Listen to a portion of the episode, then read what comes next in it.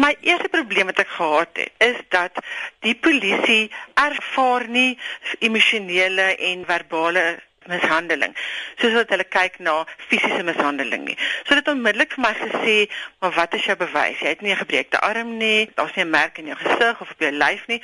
Want ek altyd gesê, "Maar my probleem is, is dat hierdie man sê hy gaan my doodmaak en môre maak hy my regtig dood. Môre skiet hy my regtig." En die dreigemente wat hy elke aand vir my gegee het en die feit dat hy die geweer in my kop gedruk het, dit is mishandeling.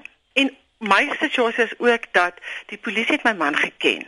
So hulle het altyd my gesê maar mevrou Botus, ons ken jou man en dit wat jy sê stryk nie met wat ons van hom ken nie.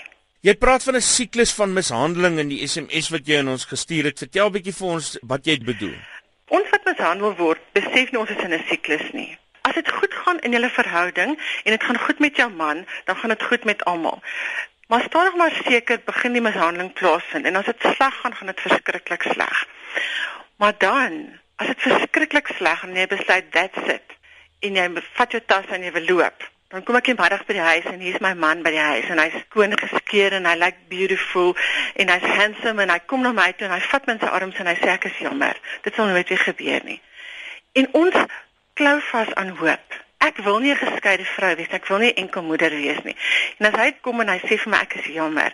Dit sal nooit weer gebeur nie. Dan glo ek hom want ek wil hom glo. Ek wil hy hoop hê om te weet nou het hy verander. Dan begin dit alles weer van voor af. Die slag toe jy dit nou reg kry om 'n saak suksesvol teen jou man oop te maak hoe het jy die proses toe ervaar Toe was daar vir my opgewees omdat daar papierwerk was en die hof het afgeteken het, het ek dit reg gekry om, om dat hy die huis kon verlaat.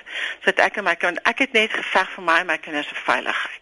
Op watter emosionele punt was jy die dag toe jy vir jou man sê verlaat my huis? Hoe lief was jy nog vir jou man? Nee, ek het hom gehaat. Op daai oomblik het ek geweet of ek gaan hom doodmaak of hy gaan my doodmaak. En ek het geweet ek kan nie die slagoffer wees nie want my kinders sal dit nie oorleef nie. En wat was die reaksie van die gemeenskap, van julle vriendekring en julle familie? My familie het my baie ondersteun en, en waar ons die fout maak met familie, ons vertel nie vir ons familie wat aangaan nie.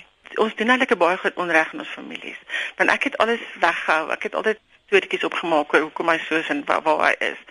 En toe my familie besef het maar wat regtig aangegaan het, was hulle so ondersteunend want hulle wou graag help. My man se familie was se baie gelukkig, maar hulle het ook later besef wat die waarheid agter die situasie is. Want wat gebeur het as mens vir iemand begin sê, dan verloor die abuser sy hou vas op jou. En jy weet abusers is almal bullies. Daai bully verloor sy hou vas op jou. En hy verloor 'n bietjie sy van sy voorgee voor mense.